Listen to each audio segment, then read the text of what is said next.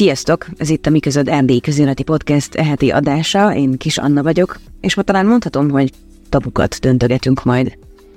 Ha ez egy tudományos dolgozat kéne legyen, akkor meg kéne indokoljam, hogy miért választottam ezt a témát, de aki velünk volt az első évadban, annak valószínűleg egyértelmű. Valát be a meggyilkolása nem titkoltan volt, és maradt indokként arra, hogy ez a podcast elinduljon. A mai adást pedig szerettem volna annak szentelni, hogy egy nehéz, de kevésbé kitárgyalt témát göngyölítsünk fel. Hogyan lesz valakiből bántalmazó? Miért? Mi mindennek kell történni az illetővel ahhoz, hogy agresszív magatartást tanúsítson, hogy veszélyeztesse a szeretteit, az őt körülvevő embereket. Miköze a mentális betegségeknek, az alkohol és szerfogyasztásnak, a gyermekkori gyógyulatlan traumáknak egy bántalmazó magatartáshoz.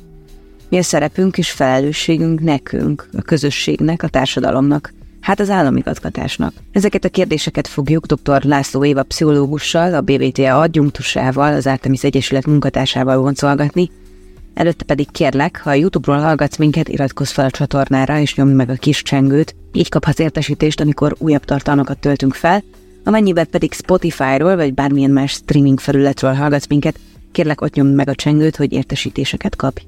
Amennyiben pedig úgy gondolod, hogy a mi között podcast tartalmainak helye van az erdélyi magyar nyilvánosságban, kérlek támogass minket a Patreonon keresztül, ehhez pedig a linket a leírásban megtalálod.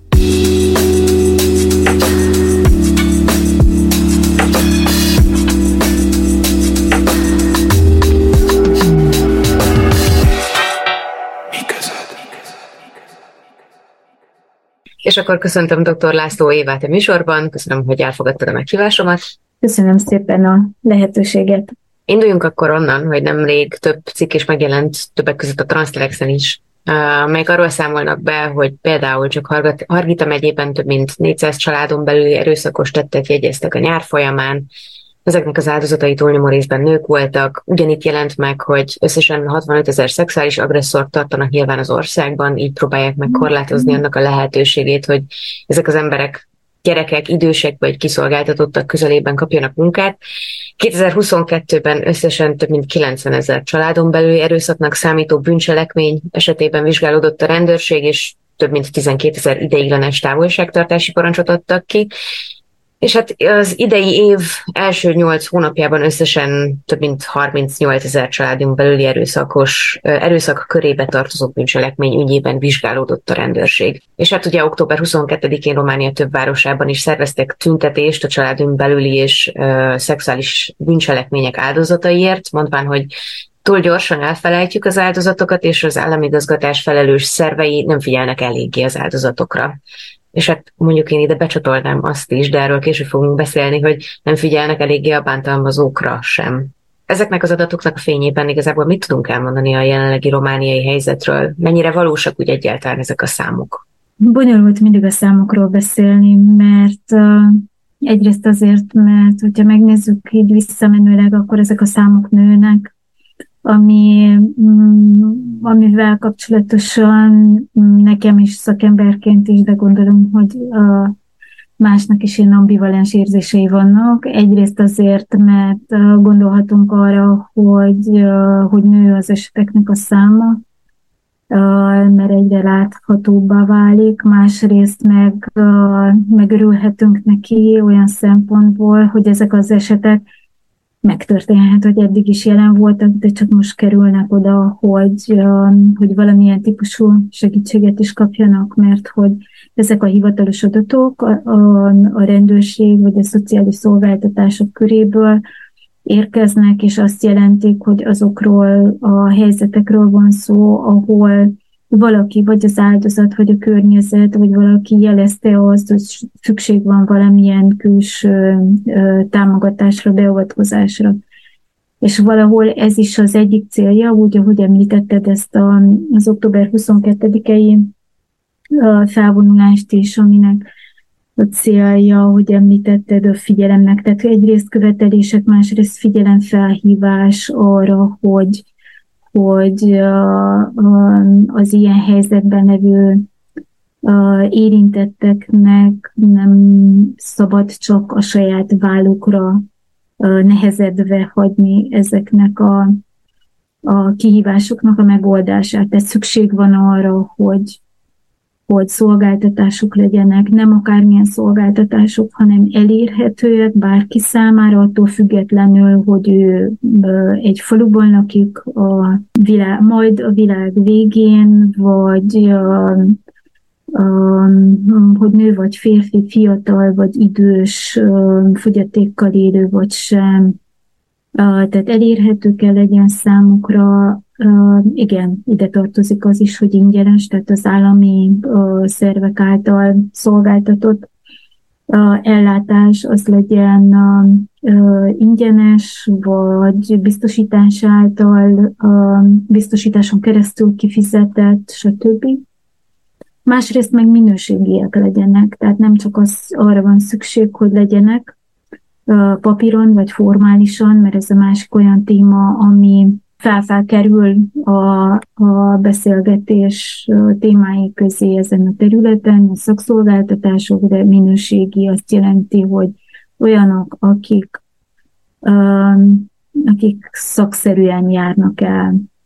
Természetesen nem csak az erőszak esetekben, ez mindenhol kívánatos minden típusú ellátásban, de mivel most az erőszak témáról beszélünk, a, elég látványos az ilyen irányú változás. Tehát sok minden változott, ezért a követelések is akár, mert ez a, a még egy picit reflektálva az október 22-i felvonulásokra, amit említett több, több városban is meg valósult az országban. Ez olyan civil szervezetek hálózatának a kezdeményezése, amely szervezetek áldozatvédelemmel nők jogainak a védelmével foglalkozik Romániában, azt, ha jól emlékszem, közel 20 éve.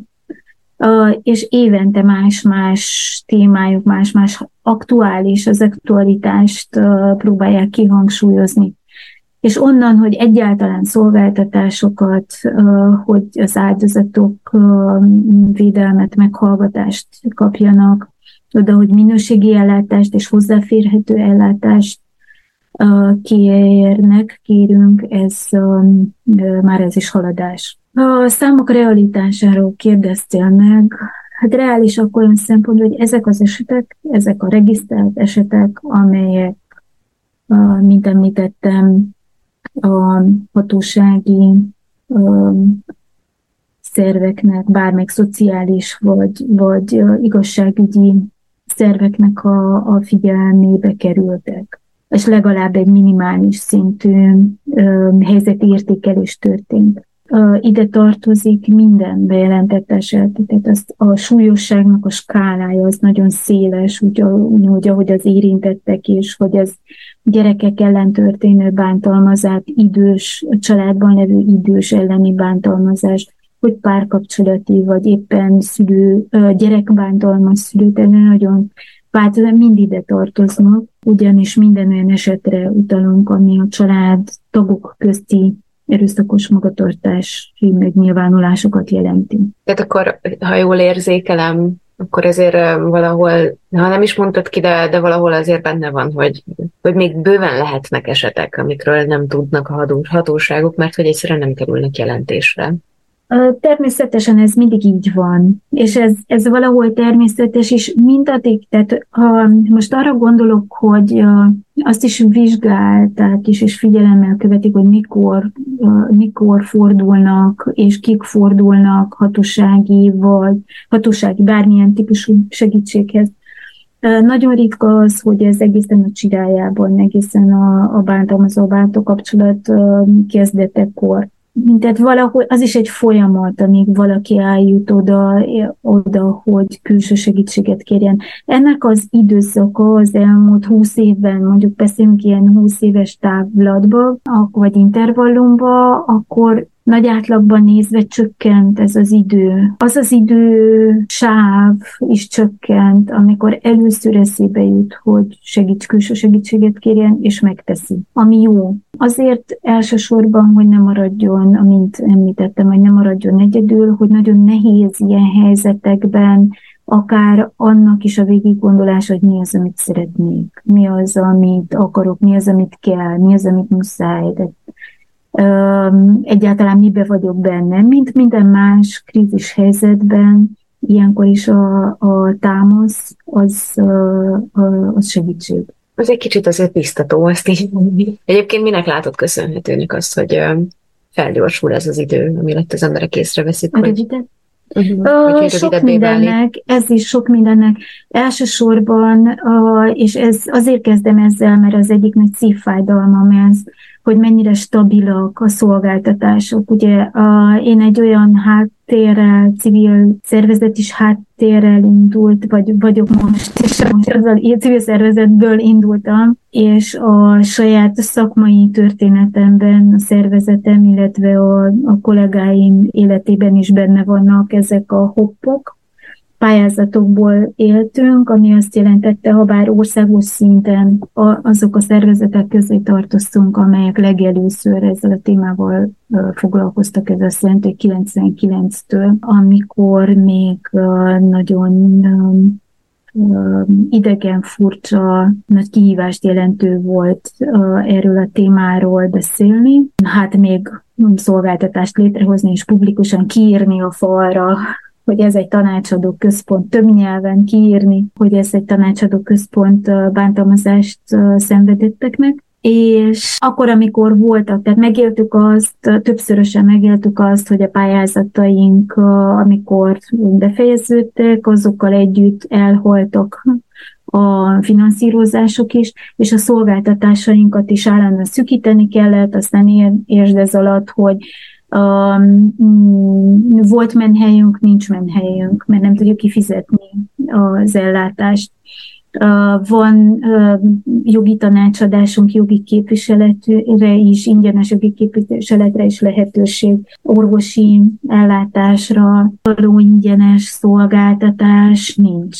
Van, nincs. És minden olyan esetben, amikor már a kezdetektől. Ezt a saját uh, uh, szervezetünk tapasztalatából is tudom mondani, mert nagyon szépen nyomon követhető volt, hogy amikor vannak szolgáltatások, van, van egy például egy ilyen kampány, mint ami az október 22-e is volt az idején, amikor felhívod a figyelmet, és vagy informálod a, a közö, közösséget arról, hogy van egy ilyen típusú szolgáltatás, ha gondba vagy, akkor fordulhatsz hozzánk, akkor természetesen megugrott a, a, a hívások száma. Ezt is akartuk, nem, hogy többen jöjjenek hozzánk.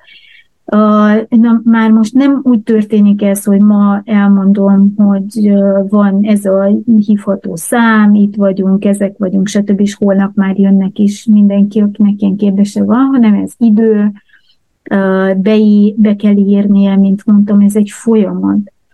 És nagyon sokszor tapasztaltuk azt, hogy mire beérik az információ, mire beindul a közösség, mire elindul a szájról szájra történő informálás is, mire le, megtörténik a leellenőrzésünk olyan értelemben, hogy mennyire vagyunk megbízhatóak, tényleg lehet-e beszélni, kivel találkoznak ott, stb.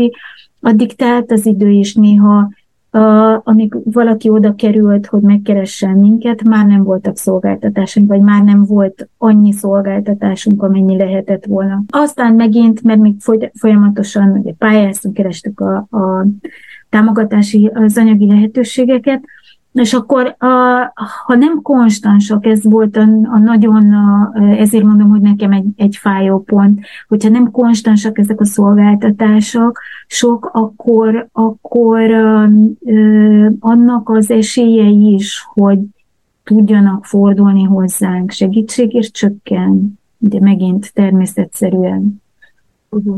Hívnak, nem vagyunk ott, hol vagyunk, hol nem vagyunk, van szakszolgáltatás, nincs szakszolgáltatás, ez egy, ez egy nagyon áldatlan állapot mindenki számára. Mert idézzem egy, pontosan nem parafrazálom, egy gondolat jutott eszembe, egy amit egy olyan édesapa közvetített a szakemberek fele, egy nemzetközi találkozón voltunk éppen, aki egy szervezettől, egy civil szervezettől jött, ahol olyan szülők gyűltek össze, akiknek a gyerekei gyilkosság áldozatai lettek. És ők kértek meg, hogy közvetítse minden, a világ minden szakembere fele azt az üzenetet, hogy a túlélőknek, illetve tehát az elsődleges, másodlagos bánta, traumát szenvedetteknek és más érintetteknek akkor van szükségük elsősorban a pszichoszociális szolgáltatásokra, amikor szükségük van nem akkor, amikor előírja egy törvény, vagy nem addig, amíg ők együttműködnek, például a kivizsgálási szervekkel, vagy nem három alkalomra, vagy öt alkalomra, vagy hat alkalomra. Ezeknek nincs, de arra kérnek, hogy, hogy a szolgáltatások új eh, időben is bármikor elérhetőek legyenek, mert nem tudod, vagy nem tudják, hogy mikor lesz a legnagyobb szükségük a támogatásra. És ezt valahogy így látjuk, így látjuk mi, és így látjuk mi is az Artemis Egyesületnél, hogy ezt, ezt jelenteni a, a, igazából az elérhetőség. Jó. Azt mondom, hogy lépjünk egyel tovább. Ugye ezt a mai podcastet én céljaim szerint szerettem volna, és szeretném annak szentelni, hogy ennek a témának egy kevésbé kitárgyalt, és jóval kevésbé kitárgyalt aspektusáról beszéljünk, és hát ez önmagában ugye a bántalmazó személye, illetve a bántalmazó személyének, személye és a társadalom kapcsolatáról, és erről a kapcsolatrendszerről. Beszéljünk egy kicsit, ugye talán azért szokták ezt kevésbé pedzegetni emberek, vagy hogy kevésbé beszélnek erről, mert amikor azt mondjuk, hogy megpróbáljuk megérteni, hogy egy bántalmazó miért bántalmaz embereket, akkor nem tudom, talán arra könnyen ráhúzzuk azt, hogy hát valamivel fel akarjuk menteni az illetőt, vagy hogy meg akarjuk magyarázni a tetteit, és ezzel nem tudom így visszavenni az éléből annak, amit ő tett. Én ezt egyáltalán nem így gondolom, sőt, ez számomra fontos is, azt hiszem megérteni, meg az, azt hiszem az embereknek is meg kell érteniük azt, hogy addig, ameddig nem fogjuk fel, hogy egy-egy bántalmazó miért kerül oda, hogy bántalmazó legyen, és abban, hogy ő ne váljon ezzel hogyan tud segíteni a társadalom, hogyan tudnak segíteni a szakszolgáltatások, hogyan tud segíteni az államigazgatás bizonyos szervei. Addig igazából persze felkészülhetünk, vagy nyújthatunk segítséget már áldozatoknak, vagy túlélőknek, de valójában talán a probléma legmélyebb forrásával még nem foglalkoztunk, vagy hogy nem foglalkoztunk mindkét oldalról a, a probléma mély forrásával. Úgyhogy az lenne a következő kérdésem, ezt tudom, hogy egy ilyen nagy, nagy kérdés, hogy hogyan lesz valakivel bántalmazó? Még az előtt hozzátenném a mindkét oldal, hogy nem is csak két oldal, hanem sok oldal. Hanem sok oldal. Így Mert az elérhetőségnél még említettem, vagy félig említettem ezeket, akik nem direkt áldozatok, tehát hogy, hogy minden érintetnek legyen lehetősége. Arra, hogy valakivel le tudjon ülni, vagy fel tudjon hívni uh, valakit, akivel, egy szakembert, akivel beszélhet arról a helyzetről, amiben benne van, vagy am, és amiben benne van, értem ez alatt azt is, hogy aminek tanulja. Ha nem egyéb azért, hogy egy kicsit tisztában lássam, hogy tudjon rendezni a, a gondolataiban, az érzelmeiben, mert hogy megviselő lehet a környezetnek is. Nem azért szoktak az emberek félrenézni, vagy, vagy nem úgy reagálni, hogy ez ideális lenne, mert mert rosszak, vagy mert nem akarnak valamit tenni. Sokszor pont azért, mert nem tudják, mert nem számítanak arra, hogy hát ez olyan, mint a filmekben, de nem hiszem, hogy, hogy engem annyira érdek, érintene, vagy valaha ilyennel fogok találkozni. Úgyhogy sokkoló lehet az, amikor a környezetünkben akár olyannal találkozunk, vagy megtudunk valakiről, aki hozzánk közel áll, vagy akit ismerünk, hogy ilyen helyzetben volt, vagy ilyen, uh, ilyen cselekedeteket követett el. Tehát erőszakos magatartású. Most az, hogy, hogy miből és hogyan ezt valakiből bántalmazó, ez is egy, mondtad, komplex kérdés, természetesen sok tényezős nyilván a gyökere, és vannak olyan tényezők, amelyek növelik annak az esélyét, vagy elnézést nem esélyét, kockázatát annak, hogy valaki bántalmazó magatartású legyen, vagy bántalmazó kapcsolatba kerüljön, ezek az úgynevezett rizikótényezők, és mikor ezekről beszélünk, akkor vissza kell nyúlnunk a, a gyerekkori élményekhez, a szocializál, milyen környezetbe szocializálódtunk,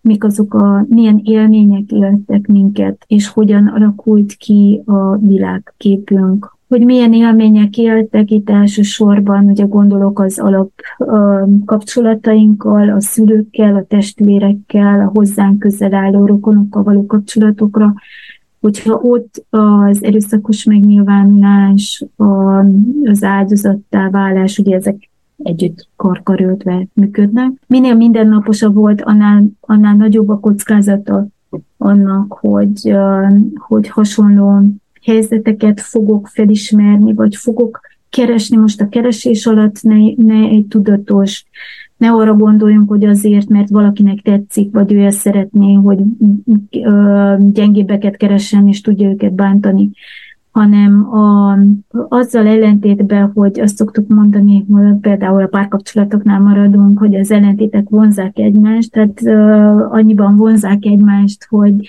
fel keltheti az érdeklődésünket, hogyha valaki már nagyon más, de a tapasztalat és a kutatások is azt mutatják, hogy azért azok a kapcsolatok maradnak meg stabilaknak, ahol a hasonlóságok erősebbek. Ebben a rossz hír az az, hogyha nekem rosszak voltak, vagy ilyen bántóak voltak a kapcsolataim fiatalkorban, gyerekkorban, akkor érzékeny leszek, az ilyen vonzani fog, befoly, mert a hasonlóság, az ismertség, az, hogy, hogy remélem azt, hogy ezekben a remélem ösztönösen, vagy, vagy be, nagyon be belső meghatározottsága, vagy belső hajtásból Uh, úgy érzem, hogy uh, most tudok más kimenetelű uh, viszonyokat vagy megoldásokat folytatni, mint amilyen volt a gyerekkoromban, mint amilyen volt az előző kapcsolataimban, de ugyanakkor működnek azok a mechanizmusok, amelyek beépültek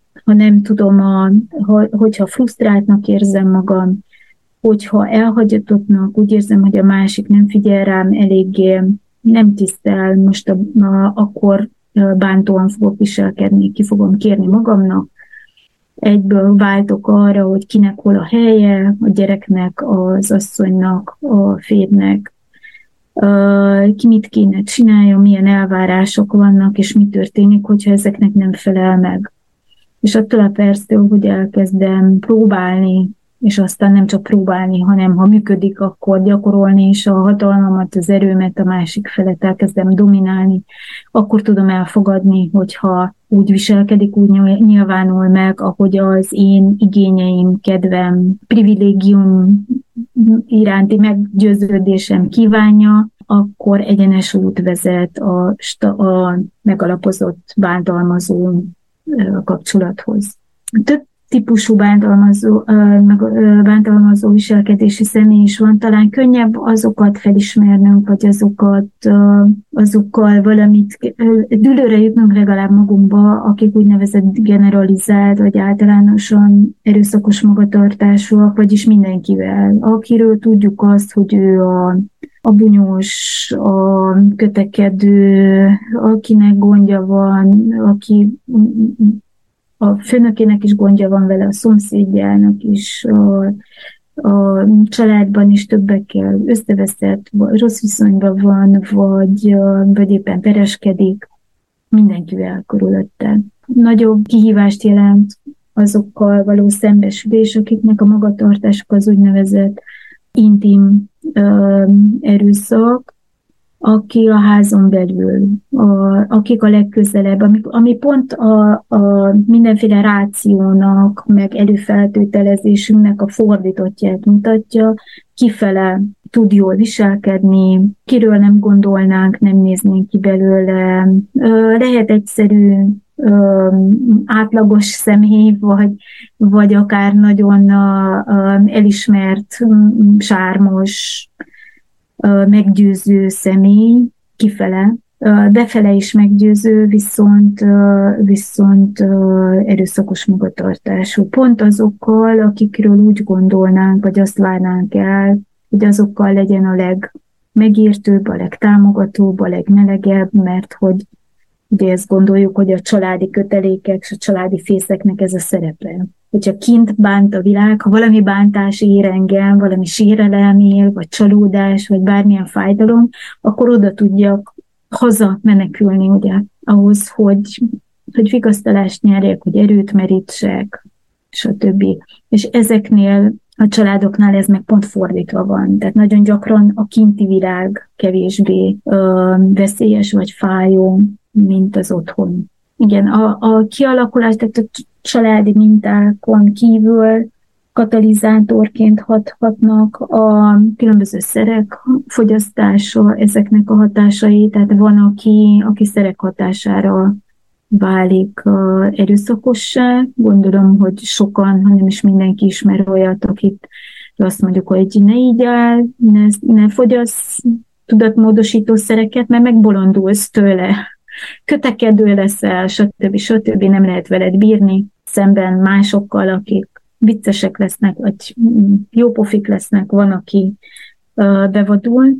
Ezekben az esetekben ugye a legnagyobb gond akkor van, amikor valaki rendszeres használom, mert akkor ez a magatartás is rendszeressé válik. Akkor a szerepük van a, a mentális betegségeknek egy-egy bántalmazó az kapcsán. A, az a következő kategória akár a szerfogyasztások alapján is kifejlődhet bizonyos mentális, vagy kifejlődhetnek bizonyos mentális zavarok, személyiségtorzulások. És a mentális betegségeknek, a zavaroknak, betegségeknek egy része is kötődik a erőszakos magatartáshoz, agresszivitáshoz, vagy nyilvánul meg, vannak olyan, amik ezekben nyilvánulnak meg. Ezekben az esetekben meg a zavarnak a kezelése például, hogyha ha kap jó, hatékony gyógyszeres kezelést, terápiás kezelést, akkor a viselkedés is, is jelentősen csökken, vagy, vagy megszűnik abban az esetben, hogyha jók a kezelések. A mentális betegségeknek a stigmája talán a legnagyobb az eddig felsorolt kockázati tényezők közül, ezért a leg, ö, legnehezebben megdagadható. Néha mentségnek ö, próbáljuk feltüntetni, hogy hát azért már nem tudja, hogy mit csinál, de legtöbbször, igen, közben azon gondolkoztam, hogy itt van egy másik nagy gondunk, és ha már a romániai országos helyzetről beszéltünk, egy óriási nagy hiány a mentális betegségben szenvedőknek az ellátása, amivel nagyon-nagyon rosszul állunk tehát a szerfogyasztásnál is, de bármilyen más ö, ö, mentális betegségben ö, szenvedő, hogyha segítséget, kezelést akar, vagy szüksége van rá, akkor, ö, akkor hát nagy gondba vagyunk, mert hogy nagyon szegényes az ellátásunk. Ugyanakkor a mentális betegségeknek van egy olyan, vagy ezek egy részének a jellemzője a, a betegség tudatnak a hiánya. Lehet, hogy a környezet az látja azt, hogy, hogy gond van, és nagy gond van, és valaki uh, nagy valószínűséggel mentális zavarral is küzd, de, de a, aki, aki meg benne van, ő maga meg nem látja be. De azért, mert ez is a betegségnek egyik tünete.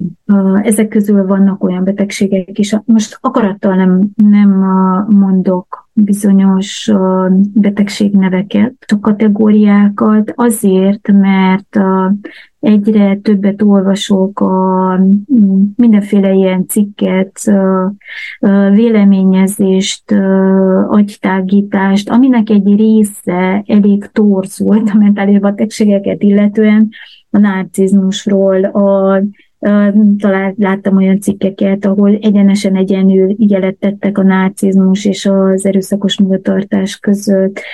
Nagyítóval keresik az emberek a, a párjaik, a kollégáik, narcisztikus jellemvonásait. Igen. Elképesztő, és egyébként a... pont ezt látom, hogy az ilyen uh, TikTokok, vagy Instagram, Instagram rílek, ahol ilyen nagyon gyorsan, nagyon rövid időn belül. Szóval, hogy én is nagyon sokszor szemben megyek ezzel, hogy, hogy az emberek leegyszerűsített információkkal próbálják meg megmagyarázni embereknek, hogy akkor e, ez alapján, és ez alapján, és ez alapján neked biztosan ilyen mentális betegséged van, aminek talán azt a jó oldalát mondjuk elmondhatjuk, hogy akkor így nem tudom, az emberek egy kicsit tudatosabbá válnak, hogy igenis vannak ilyen jellegű betegségek, és hogy ez is legalább annyira a maga természetetlenségében természetes folyamat, mint az, hogy mondjuk lehet valaki rákos, vagy nem tudom, szívbeteg, vagy ilyenek, tehát hogy nem kell olyan stigmát akasztani rá, viszont elképesztően leegyszerűsíti ezeket a helyzeteket. Én, én is épp rá akartam kérdezni a, a narcisztikusokra, mert hogy ugye nagyon jellemző az, hogy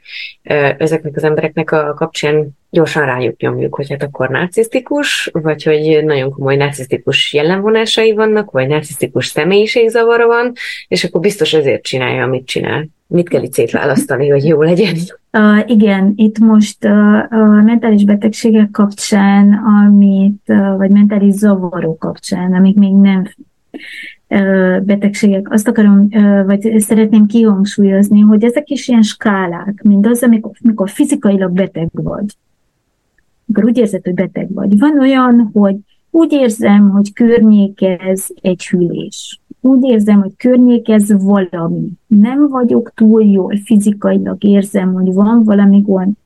Még nem tudom azt sem, hogy beteg vagyok, vagy sem.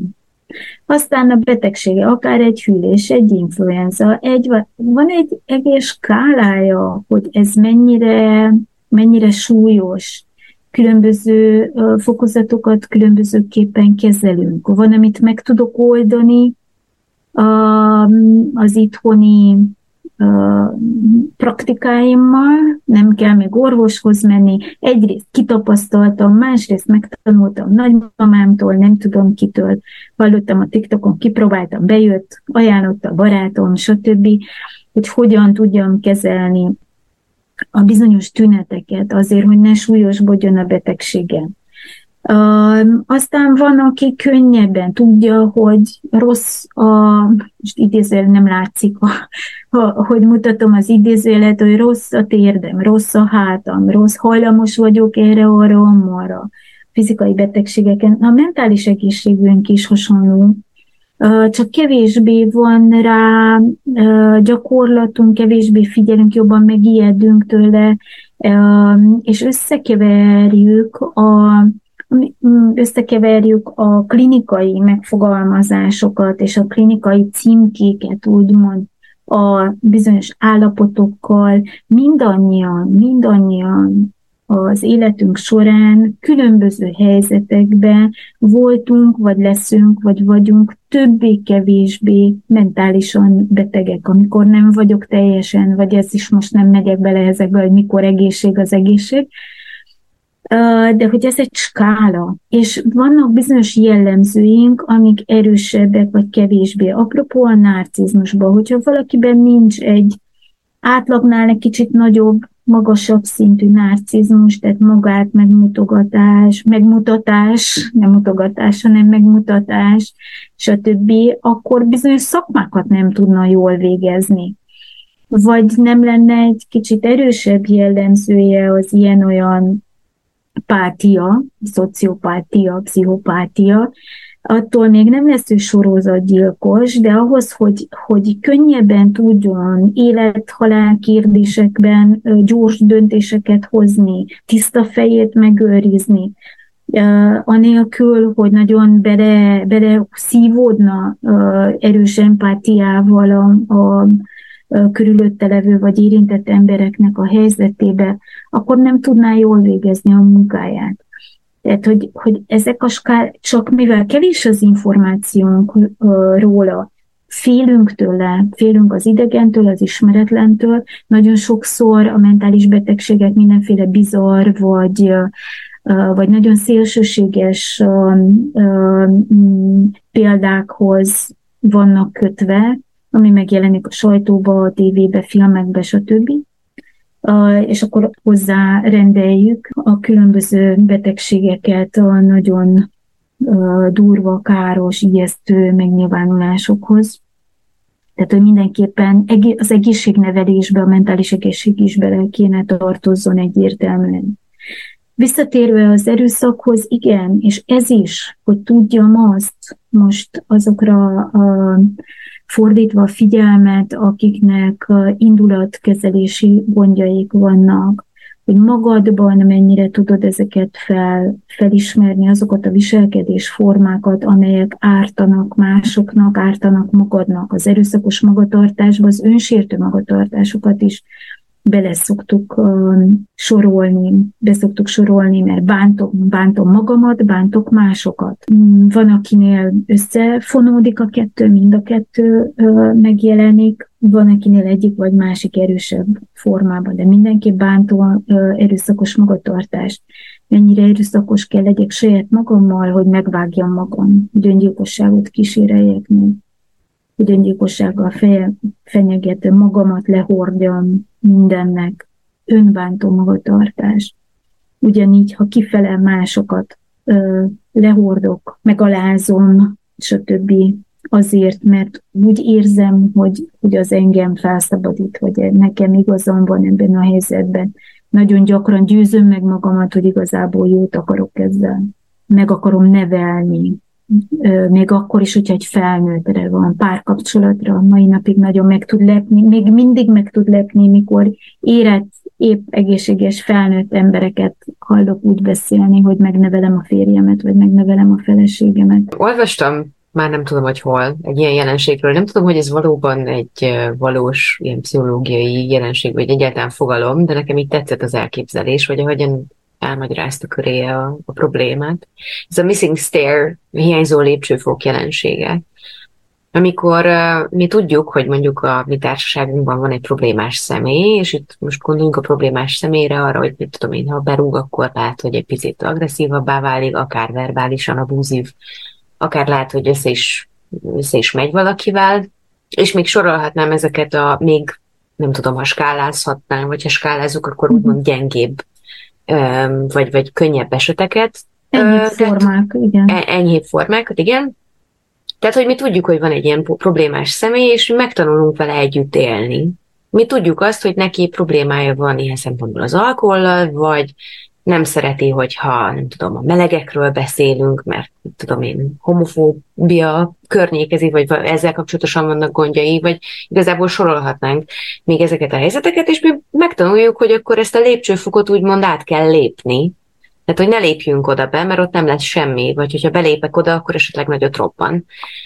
És amikor új ember kerül a társaságba, akkor őt vagy megtanítjuk arra, hogy na vigyázz, ezt a lépcsőfokot át kell lépni, vagy kintről nézzük, hogyha ő belelép, akkor vajon mi fog történni. Nem tudom, de hogy látod, valóban van egy ilyen jelenség? Miért, és egyáltalán miért csináljuk mi ezt? Miért van az, hogy könnyebb megtanulni, együtt élni bizonyos embereknek a már-már mások számára sértő, bántó attitűdjeivel, mint sem leülni és azt mondani, hogy gyere, hello, beszélgessünk egyet. Ahhoz, hogy ki kialakuljon egy ilyen, mert hogy egy társaságról beszéltél. Egyrészt, ha folytatom a gondolatmenetemet, ezt a nem nevelni a másikat, akkor itt a hátulütője. Nem, hogy azt mondom, hogy ő felnőtt ember, most hogy mondjam én neki, hogy ez a jó, az a nem jó, stb. Ilyen legyél, olyan legyél, amolyan legyél. És akkor azt mondom, hogy nem az én dolgom. Mert ugye felnőtt ember, ő tudja, stb.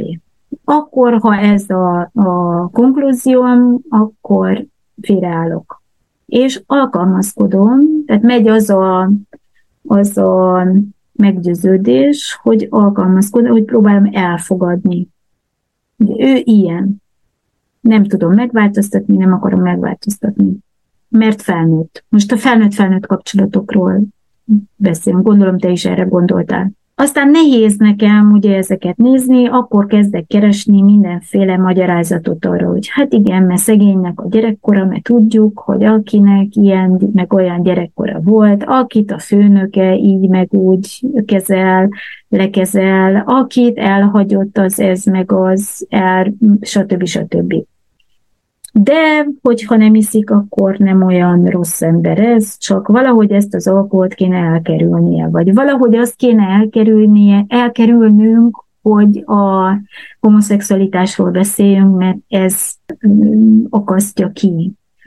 És ahhoz, hogy ezeket el, tehát elkezdünk mi alkalmazkodni, a környezete alkalmaz, győz, győz, győzködöm magam, hogy, hogy úgy vagyok korrekt, hogyha ezt jelenti tiszteletben tartani, nem szólok bele de ugyanakkor próbálom kerülni a, a feszültségeket, és akkor kerülgetjük ezt a, a vagy átátlépegetjük ezt a hiányzó a lépcsőfokot még akkor is, hogyha a kapcsolatunkat a hiányzó lépcsőfok fogja irányítani. Mert hogy az szerint fogok én ugye elég magasat, elég oldalról jövő lépést irányítani következő lépcsőfokra, hogy ez a hiányzó vagy billegő a lépcsőfokot van. A kérdés az az ilyen helyzetekben, mint minden másról, hogy milyen, uh, igen, még említetted, mielőtt tovább mennék, említetted ezt, hogy, uh, hogy az helyett, hogy leülnénk, és megmondanánk neki.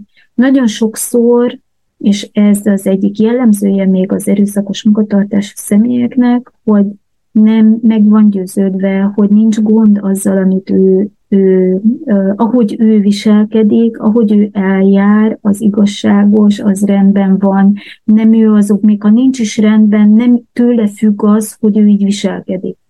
Mert ha nem lenne a másik ilyen vagy olyan, ha nem tenné ezt meg az, vagy ha azt tenné, vagy ezt mondaná, amúgy viselkedne, akkor ő nem lenne uh, erőszakos.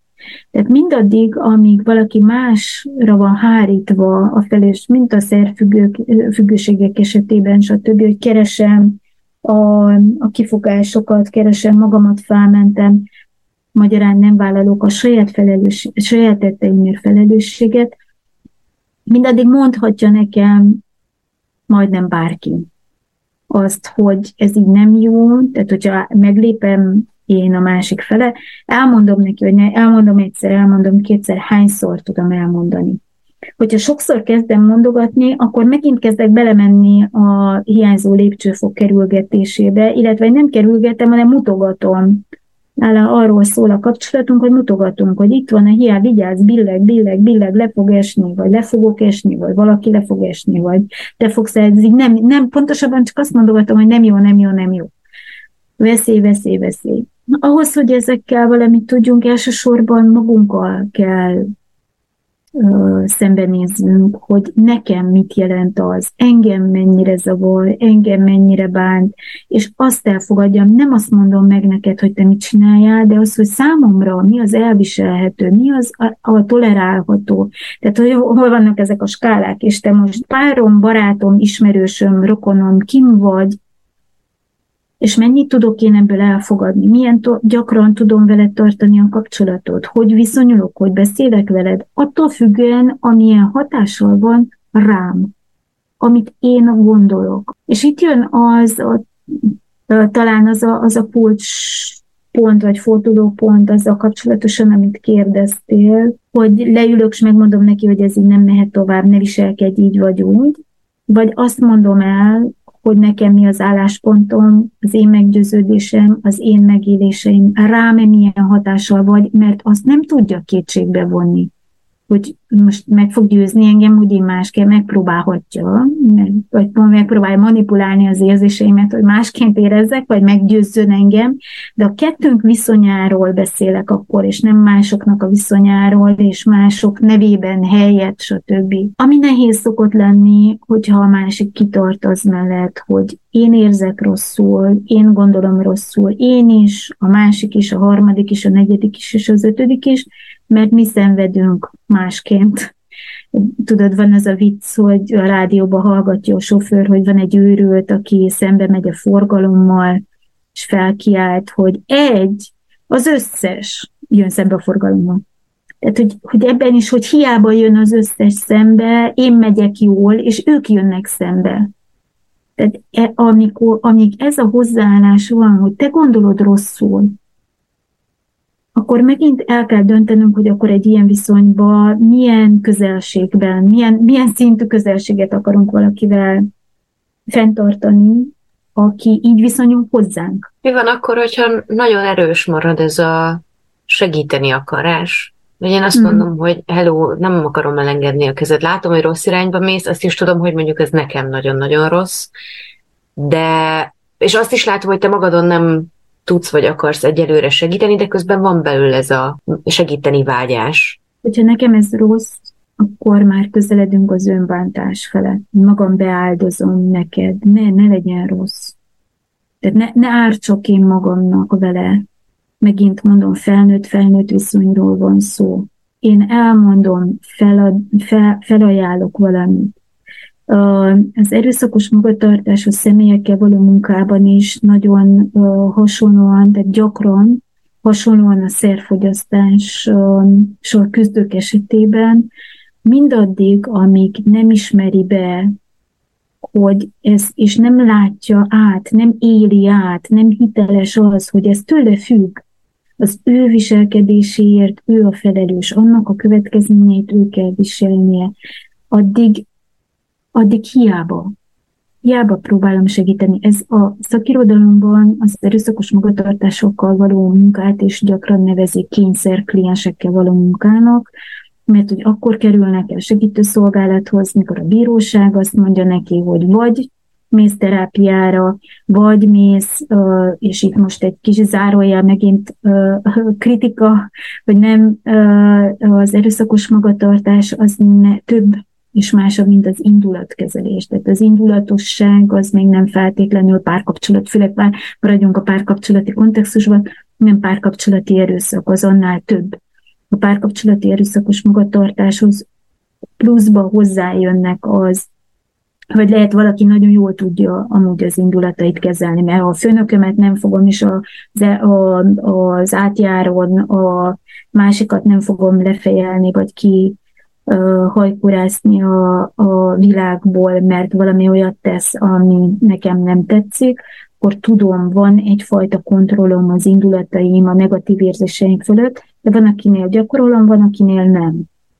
Tehát ez a szelektivitás megint egy, egy támpontot mutat arra, hogy, hogy nem, nem indulatkezelési gondról. Van, ahol erről van szó, vagy van, ahol erről is szó van, de a legtöbb esetben nem, nem elég, nem elegek azok a programok, amelyek indulatkezelésről szólnak.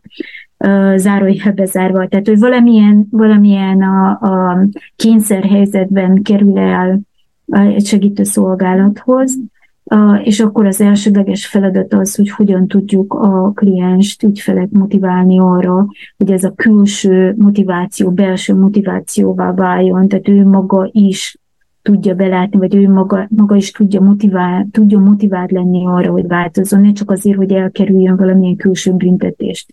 Jön mondani, hogy ha, ha nem járok a programra, akkor elhagy a feleségem, vagy börtönbüntetést kell leülnöm, vagy fizetnem kell, vagy mit tudom én, mit kell csinálni, elveszem az állásomat. Kiinduló pontnak ez is több, mint a semmi, csak a változáshoz gyakran kevés. És ez a típusú felelősségvállal a baráti körben is, hogy ha, ha nincs meg, ez a, ezért, ezért szeretem én személy szerint a, a jóvátételi vagy restauratív gyakorlati megközelítést ezekben a helyzetekben, aminek az a lényege, hogy ha valami rosszat tettem, akkor van esélyem, mert ugye itt van a másik mozgatórugó a közösségnek is, hogy szeretnénk második esélyt, harmadik esélyt, bízni akarunk, hinni akarunk a változásban, meggyőződésünk az, hogy mindenki fejlődhet, javulhat, átlát,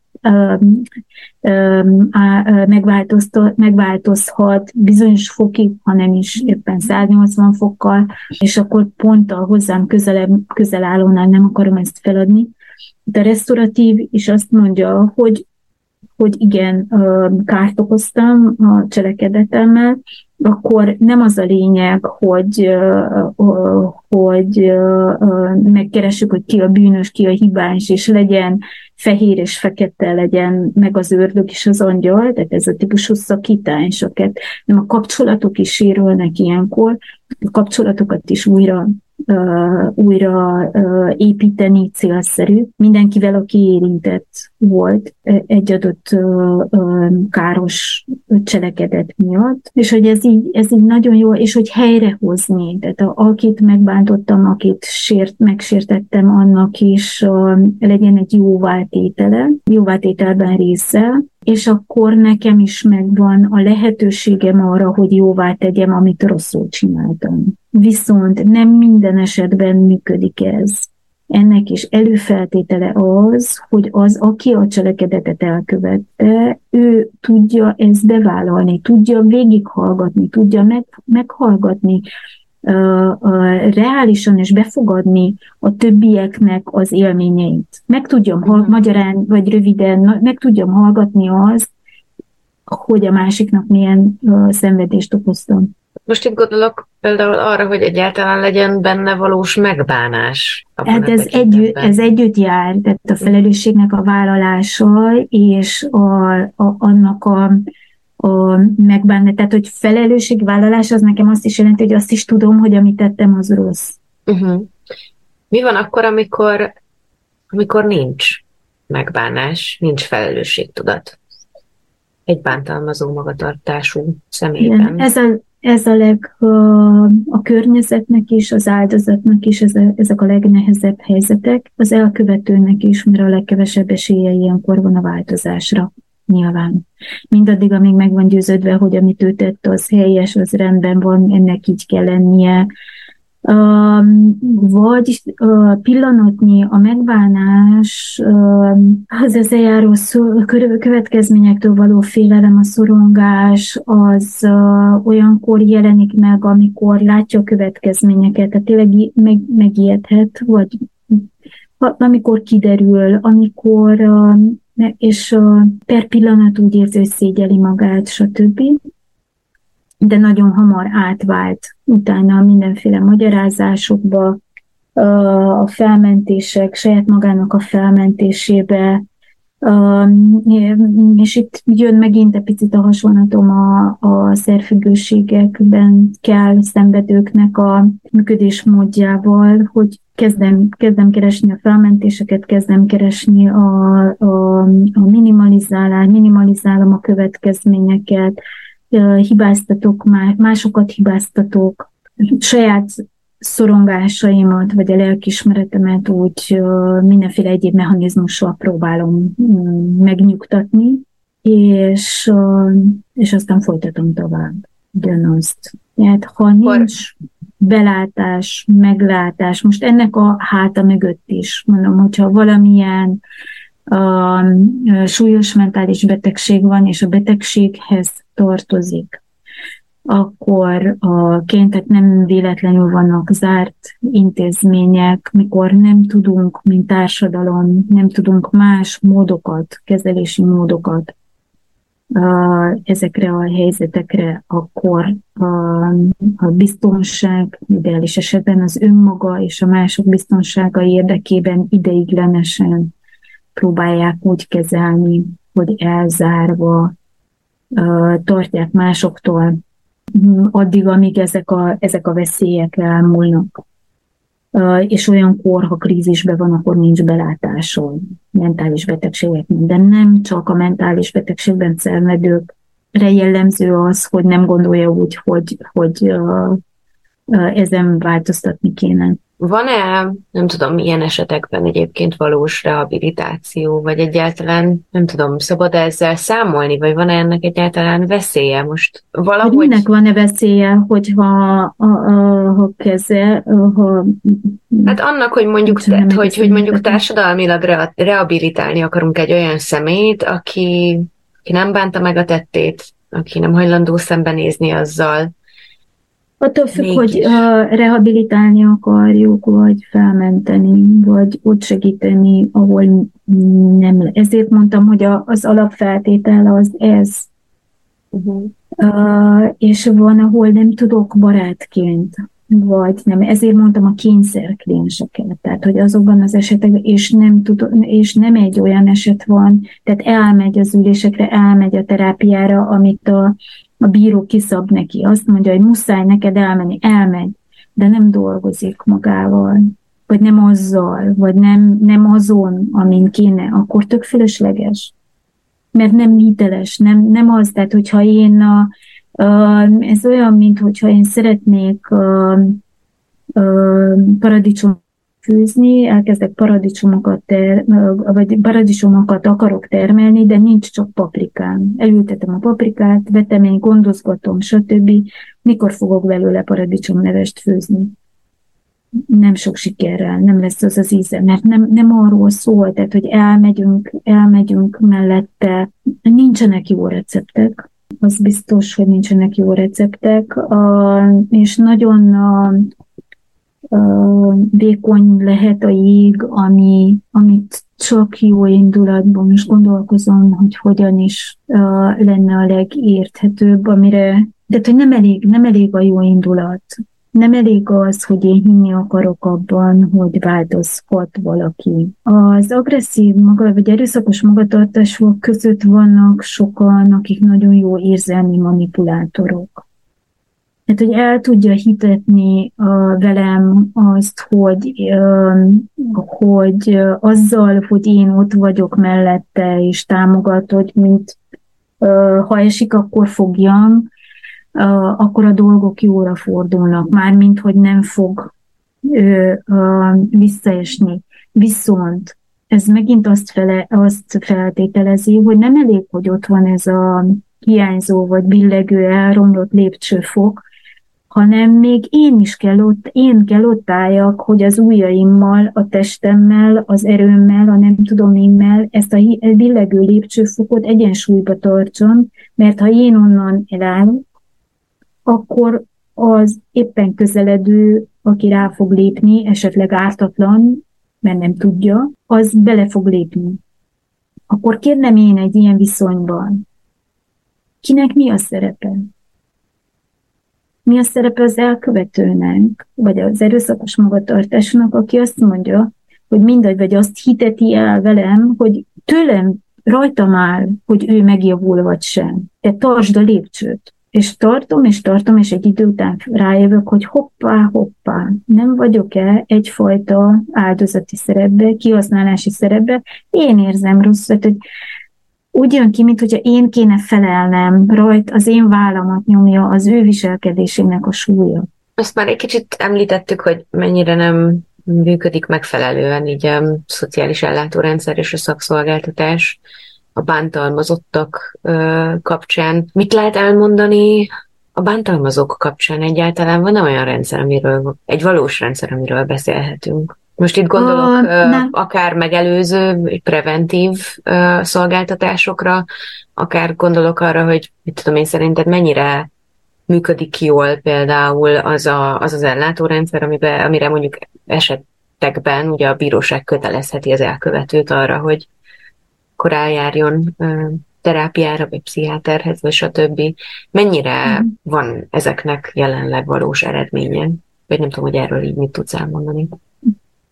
Hát az, hogy elég gyerekcipőbe járunk, tehát nem, tele nem véletlenül az egész világon előbb a, a sértett túlélőknek, áldozatoknak való szolgáltatások a, kerültek kifejlesztésre, többek között ezért is, mert hogy ők azok, akik, akik változni akarnak, akik felemel, meg, megmutatkoztak és segítséget kértek, és akkor ha a prevencióval, a prevenciós tevékenységekre is gondolunk, Nekem mindig nagyon-nagyon nehéz volt bármi olyan prevenciós, informál, bármilyen formája legyen, informáló kampány, stb. bármiben gondolkodni, ha nem volt legalábbis egy, legalább egy minimális szolgáltatott segítség, nyújtási lehetőség annak, aki ezt kérte mert oké, okay, oké, okay, elmondjuk, hogy ezt kéne, és azt kéne, hogy megelőzzük, de aki benne van, hogyha akkor nem kap segítséget, egy kicsit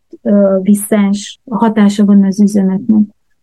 Tehát nagyon fontos volt számomra mindig, hogy, uh, és, és alapelve a prevenciós kampányok esetében is, hogy ha valaki bajba van, ha valaki változni, változtatni, változni, változtatni, segíteni, vagy ő, ő kiszállni szeretne, valamilyen a, a helyzetből, akkor erre legalább tudja, hogy milyen erőforrások vannak, még akkor is, hogyha ezek kevesek, vagy kicsik, vissza, szűkösek, de legyen valami. Uh, valami kapaszkodó, ami több, mint amit eddig, uh, amihez eddig hozzáfért. Az elkövetőknek a, a segítésére Uh, most nem tudom pontosan megmondani, de ha jól emlékszem, olyan két-három éves uh, múltra nyúl vissza az országos szintű kezdeményezés, uh, ilyen szakszolgáltatásokat létrehozni erőszakos magatartású személyeknek, amúgy meg, meg a, a klasszikusok, akik börtönbe kerültek, ez is egyike a, a formáknak, hogy a társadalom kezeli. A, a pártfogói felügyeleti szolgáltatások, ahol külön figyeltek arra, hogy ki miért került az igazságszolgáltatásnak a figyelmébe, és miért kapott büntetést, az esetben, hogyha, hogyha ez büntetéssel járt. Az ilyen szociális kontrollnak a megjelenés, további megjelenései, mint a, a távoltartási parancs, a, a megfigyelő nyomkövető kar, illetve lábperecek, amelyekről az, amely kísérleti formában bizonyos megyékben működik Romániában, ezek is mind olyan intézkedések, amelyek próbálják azt kontrollálni, vagy visszafogni, ami az elkövetőnek a, a, részéről érkezik. Ezek a tanácsadók központ az, az agresszív magatartású, erőszakos magatartásoknak a tanácsadó központja az, ha jól emlékszem, tíz van az országban, és azon kívül egy pár, többek között a civil szervezetek hálózatában is van olyan szervezet, talán Románia a leg, legrégebb működő szervezete, az Transgenar Bukarestben, amely a, a, az elkövetőknek dolgozott ki, és elkövetőkkel foglalkozik, annak el, és ezzel együtt a, a nők elleni erőszak hálózatban van, mert hogy a, a szempontrendszer az az, vagy ami alapján működnek, hogy megállítani, segíteni abban, hogy hogy a visszaesést elkerülje, tehát megszűnjön a bántalmazó magatartás, és nagyon sokáig dolgoztak börtönökbe, később olyanokkal, akik szabadulás után jelentkeztek ezekre a programokra. Ugyanez a gondjuk az erőforrás, a szolgáltatásnak a fenntartása, amivel, amivel küzdenek. Na hát most így, így körög a fejembe egy csomó kérdés, meg téma ezzel kapcsolatosan, azok a viták is, amelyeket országos szinten különböző munkacsoportokon, meg találkozókon végigbeszéltünk, hogy ezek is ingyenesek kéne legyenek, vagy hozzátartozna a felelősségvállaláshoz, és a, hogy valamilyen típusú juttatással ő, ő, ő a szolgáltatásokat kártérítse, tehát hogy vagy fizet, fizetve, vagy közmunkával, vagy valahogy, mert hogy egyrészt nehéz ugye ezeket a szolgáltatásokat fenntartani, másrészt meg, meg akár hozzátartozhatna a jóvátételhez. Na, ezek nem valósultak meg. Ahol van állami ilyen szakszolgáltatás, azok ingyenesek, csak kevés nagyon kevés. Nagyon kevés van, úgyhogy elég látatlanba tudják más megyékben, vagy olyan helyeken, ahol nem elérhető megint Kolozsvárhoz legközelebb, Marosvásárhelyen volt ilyen központ, az nem állami, hanem egy civil szervezet, az sem működik két éve, nem is tudom megmondani, melyik a legközelebbi a helyszín, úgyhogy például, ha hozzánk jön valaki, akkor megvannak azok a kollégák, akiket akik erre felkészültek, és a, Konkrétan a, Kolozsváron nincs ahova mennie valakinek, aki a, az bántalmazó, vagy bántalmazóként nincs ahova Bántalmazó magatartásként az általános szakszolgáltatásokhoz lehet fordulni. Uh-huh. A polgármesteri hivatalnak a szociális osztálya, de nincs szakszolgáltatás. Most a szakszolgáltatás alatt ugye azt értem, hogy olyan szakemberek vannak ott, akik erre szakosodtak. Uh-huh. Erre szakosodtak, hogy, hogy ezzel dolgoznak. És akkor visszatérünk oda, amit a legelején mondtál, hogy mennyire fontos lenne ezeknek a szakszolgáltatásoknak a minősége. Igen. És hogy ezek az emberek, Igen. és az főleg idő, ezek az emberek tényleg valóban azt kapják, amire amire szükségük lenne? Uh, igen, nincs tervek, vannak régóta uh, Kolozsváron. Mi, ahogy elkezdtünk dolgozni a, a, az Artemis-szel, azt hiszem egy vagy két évnyi működés után uh, találtunk olyan kollégákat, akik az elkövetőkkel dolgoztak. Tehát meg volt, hogy ki az áldozatokkal, és ki az elkövetőkkel. Nem ugyanaz a hely, ugyanazon a helyen, tehát mindenki a saját felkészültségével stb. stb., mert hogy ez volt az esélye annak, hogy, hogy uh, uh, ugye a, a következő áldozatoknak a számát is tudjuk csökkenteni, hogy minden fronton dolgozni. Uh, igen, ez lenne az ideális. Uh, én nagyon szkeptikus voltam, mivel rengeteget olvastam erről, meg azok, a, azok az esetek, amikkel én találkoztam, azokban a, a bántalmazó magatartások nem nagyon ismerték el, vagy dolgoztak ők maguk a saját dolgaikon. Gyakran ez a, főleg a párkapcsolati erőszak esetében magának a bántalmazó stratégiának is része lehet, hogy ő is elmegy, akkor megmutatja, hogy ő is akar változni, de nem tart ki. Tehát két-három-négy ülés után feladja, vagy olyanokkal is találkoztam, akik azért kerestek segítséget, mert remélte segítséget, kerestek fel szakszolgáltatást, vagy bármilyen szolgáltatást, mert vagy meg akarták azt győzni, tehát valakit, az áldozatot, vagy bárki mást, a bíróságot, a rendőrt, stb., vagy remélték azt, hogy ezáltal valamilyen plusz információhoz jutnak az áldozatok kapcsolatosan. Ugye eljön, hát ha megtud valamit a feleségéről, párjáról, gyerekéről, és ezáltal része a, a bántalmazó magatartásnak ez a stratégia is. Komplex, multidisziplináris megközelítést igényel, nem merít elég sokat beszéltünk ugye mentális betegségekről, szelhasználatokról, ezek összefüggésbe lehet, akkor az ellátás is ennek fényében ilyen több, több oldalú kéne legyen. Nagyon-nagyon szépen köszönöm, hogy itt voltál, és hogy ezeket mind megosztottad velem és a hallgatókkal. Köszönöm szépen én is a meghívást. Nektek pedig köszönöm, hogy ha a végéig maradtatok. Gyorsan elmondani néhány közérdekű infót, akár a jövőre nézve, akár mert lehet, hogy pont most lesz hasznos. Minden megyének van szociális osztálya, amit meg lehet keresni akkor, hogyha segítségre lenne szükségetek, mert ha esetleg nekik nincs is meg a megfelelő szakszolgáltatásuk, ők tudnak minden civil szervezetről a megyében, és könnyen átirányíthatnak. Tehát ők a Szociális és Gyermekvédelmi Hatóság, románul pedig a Direcția Generală de Asistență Socială și Protecția Copilului. Illetve van egy ingyenes segélyhívó szám is, amit 024-ben a hét minden napján lehet hívni azoknak, akik családon belüli erőszak valamilyen formájának az áldozatai, ez pedig a 0800 500 333-as telefonszám. Ez volt a Mi között podcast erre a hétre, vigyázzatok magatokra és egymásra, halljuk egymást jövő héten is. Minden jót, sziasztok!